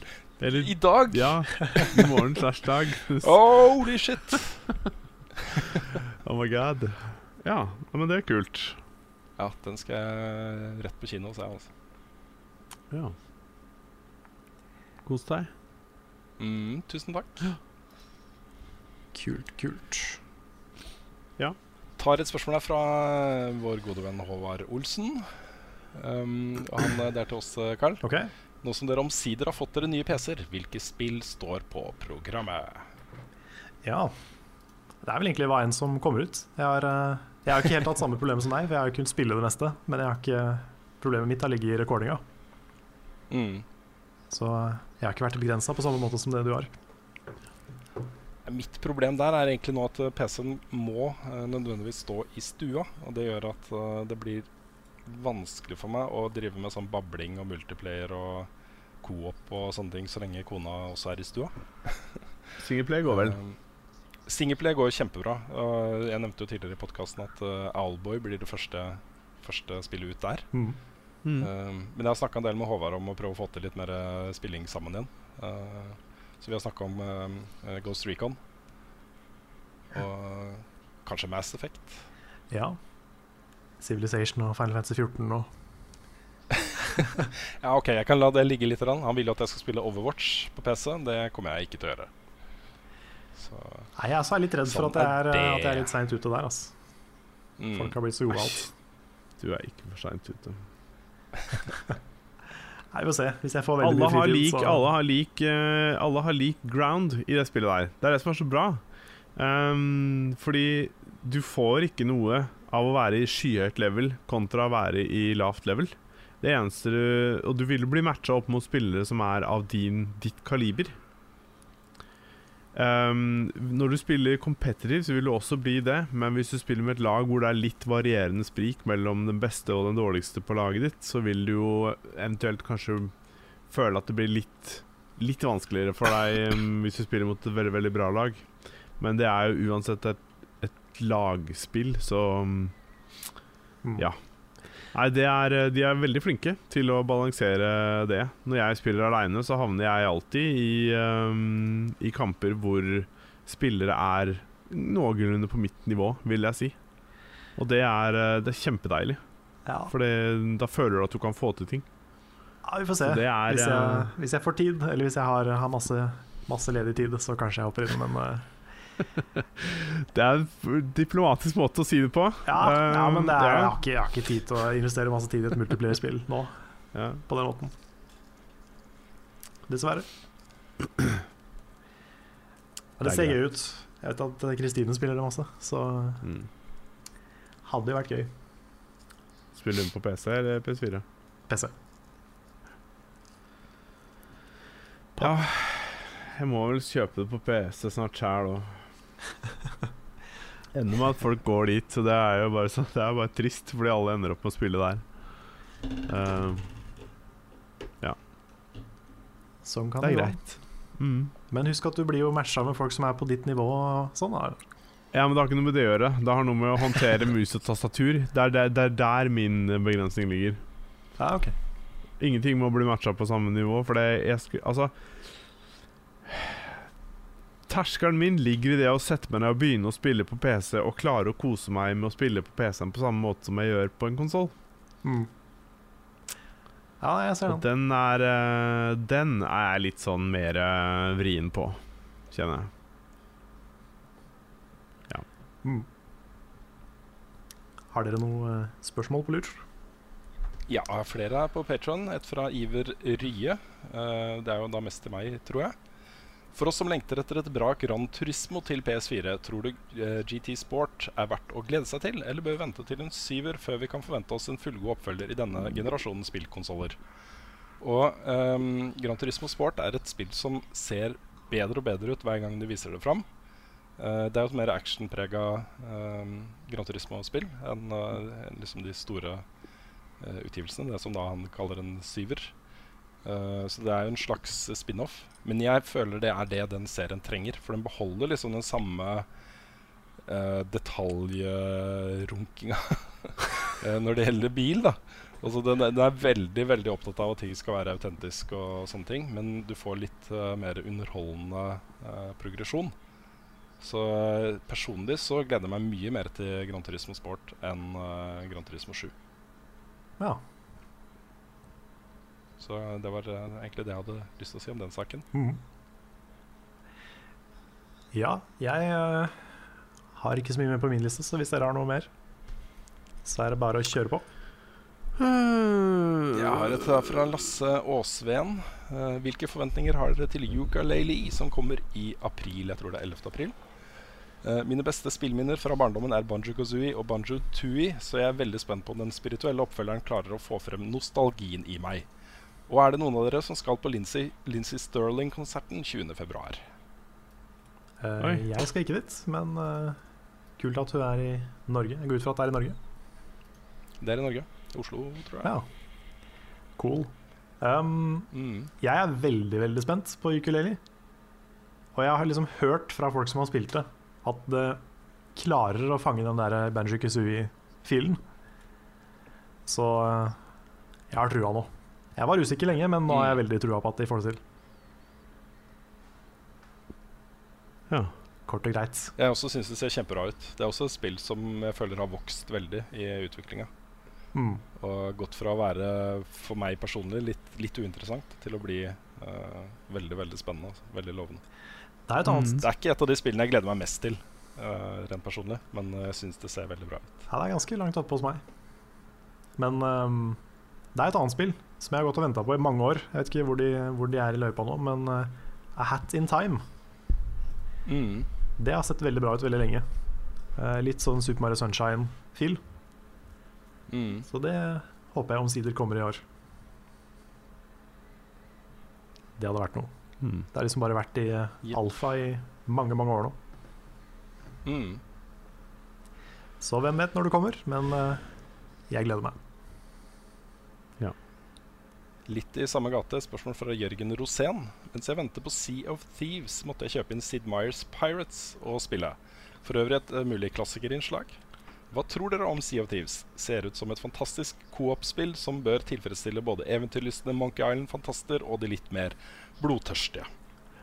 Ja, jeg har Ja, ikke jeg spilt Pirates. syns jo det virker kult, da, men Har noen av oss ja, jeg, Sorry. ja, du snakker om det originale, det der Sid Meyer Pirates, var det du sa, ikke sant? Ja. Ja. Eh, det har jeg spilt for sånn eh, millioner av år siden. Mm. Um, jeg husker ikke når det kom ut, men det er, det er lenge siden, er det ikke det?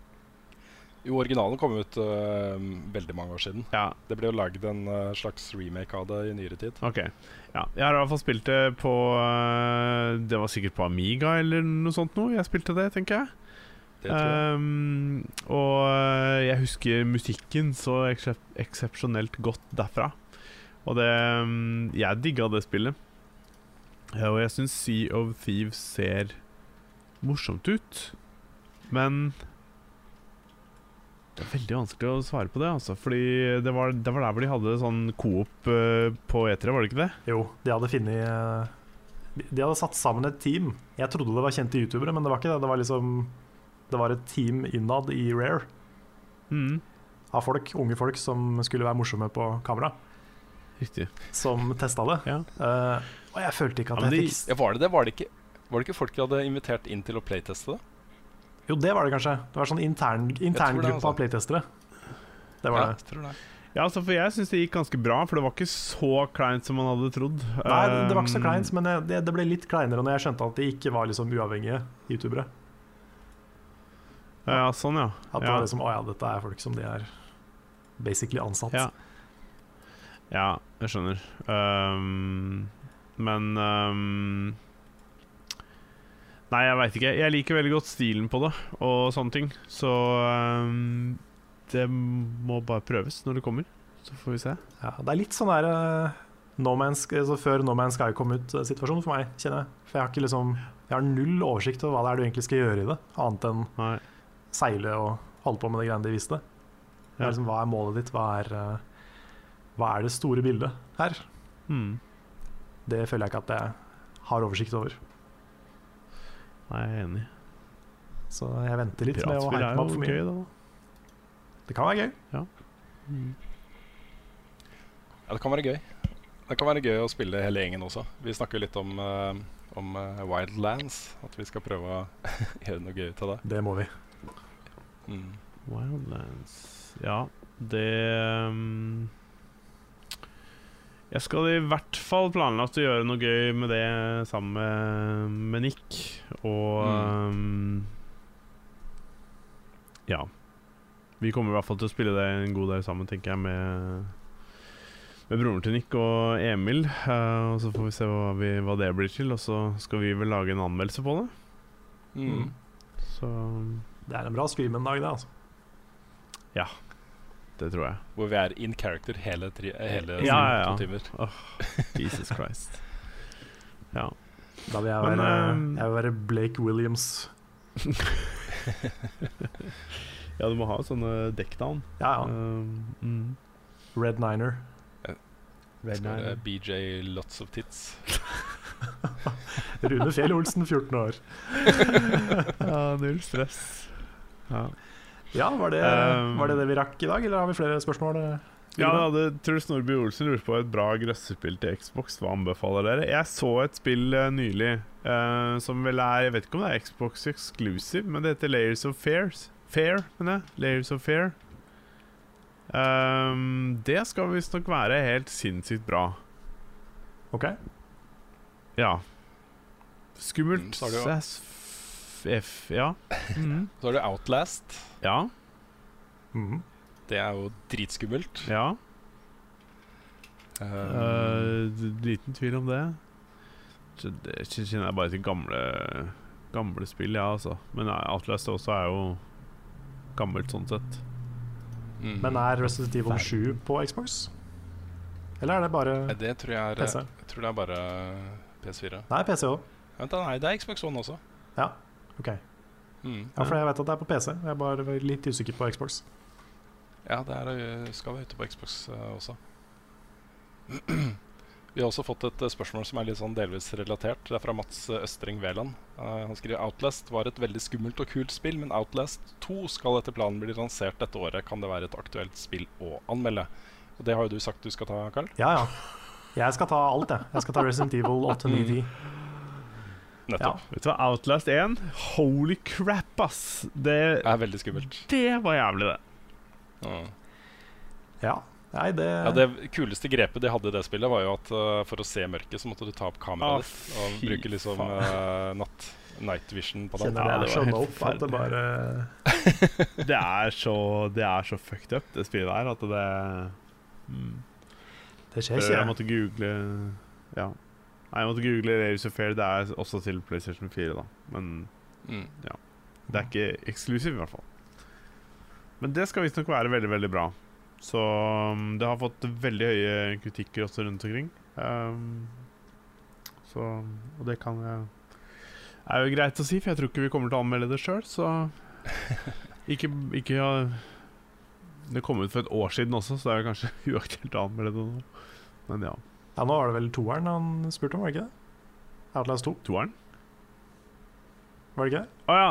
Ja, nei Ja, det var det siste var Outlast 2, men uh, ja, Truls ville jo vite om uh, gode Han Ja, skrekkspill. ha- Ah, sånn, ja. ja. Så um, Riktig.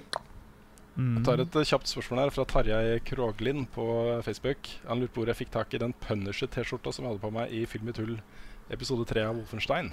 Ja, Det er på threadless.com. Threadless. nice. Ja, den heter uh, Hvis du skal søke på den, så søker du på Hero or Villain. er Tittelen på designet. Hero or villain. OK. Mm. Sweet. Greit. Så bare gjenta, da, hvis uh, noen kommer inn i podkasten sånn mot slutten for å høre på spørsmålene. Det er ikke sant at de dreper hunder for å lage PlayStation-kontrollere. Det var en vits som jeg syns var veldig morsom. Ja, ironi føler, er skummelt på føler, internett. Det har jeg jeg, fått føler at mange av de mange mange av de uh, kommentarene der nødvendigvis er litt sånn Jeg tror de er litt Det er, det er tull. Jeg tror folk er liksom bare «Åh, Er det sant? Ikke sant? Det er sånn Ja. Nei. Ja, jeg, jeg vet ikke helt lenger jeg, om jeg, hva, hva jeg stoler på av sånne ting. Nei. Hva faen skrev Du vet det? hva? Det var, Kødder. Det var noen som anbefalte for meg å bruke Reddit som uh, nyhetskilde. Og foreløpig så har det vist seg å være et veldig bra tips. Altså. OK. Um, uh, uh, R-News, altså news-gruppa heter bare News. Der blir ting vetta, og ting blir dobbeltsjekka. Og folk kommer jo inn i kommentarene og avkrefter uh, usannheter og presiserer ting. og sånne ting Det er en veldig god måte å holde seg oppdatert på. Ja. Så et uh, godt tips i disse dager hvor ting er litt vanskelig å forholde seg til, kanskje. Mm. Jeg, jeg, kanskje kanskje fact-checker blir den nye breakout-jobben i 2017. Mm. Jeg, jeg tror Ja, det. hadde ikke gjort noe.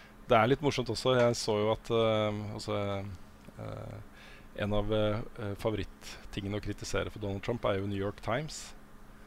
Eh, og de presenterte nå nettopp eh, eh, abonnementstall for eh, siste kvartal 2016.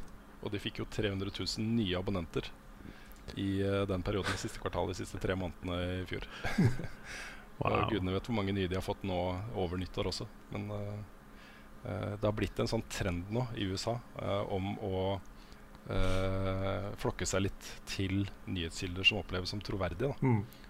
Det er, eh, som en journalist så gjør det meg ganske glad at, eh, at seriøse nyheter har fått en, eh, en liten oppsving. Mm. Mm.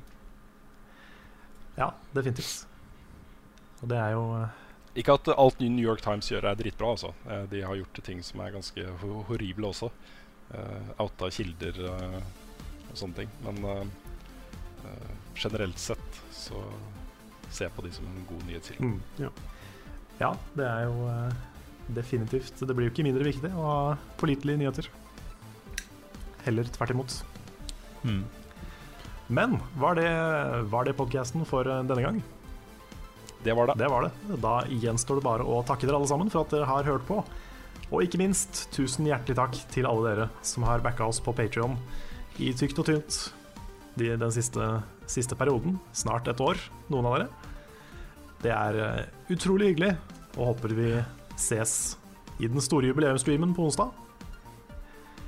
Det gleder vi oss veldig til. Det blir kult. Ja, det blir kos.